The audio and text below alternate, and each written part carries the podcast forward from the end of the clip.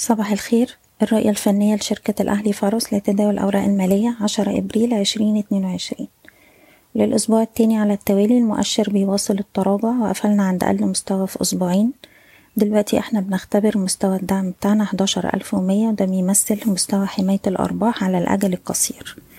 لو قدرنا نتماسك ونحافظ على المستوى ده يبقى معنى كده إن إحنا هنشوف استمرار لمحاولات الارتداد وهيبقى عندنا مستوى مقاومة عند وستين. من الناحية التانية تأكيد كسر مستوى ألف ومية. الأسفل هتبقى إشارة لتفعيل إجراءات حماية الأرباح وهيبقى عندنا مستوى الدعم التالي عند تلاف وتسعمية. مستوى العشر تلاف وتسعمية ده بيمثل واحد وستين في المية من موجة الصعود الأخيرة اللي كانت من تلاف وتلتمية لحد الاتناشر ألف ونقطة. بالتالي بننصح الناس اللي معاها أسهم باحترام مستويات إيقاف الخسائر لكل سهم على حدة نظرا طبعا لتباين الأداء بين الأسهم. بالنسبة لل CIB جلسة الخميس قفل تحت مستوى دعمه الخمسة وأربعين أربعين وده اللي بيوازي ألف ومية على ال index. محتاجين نشوف ثبات مرة تانية أعلى الخمسة وأربعين أربعين عشان السهم يرجع يجرب مرة تانية على التمانية وأربعين جنيه.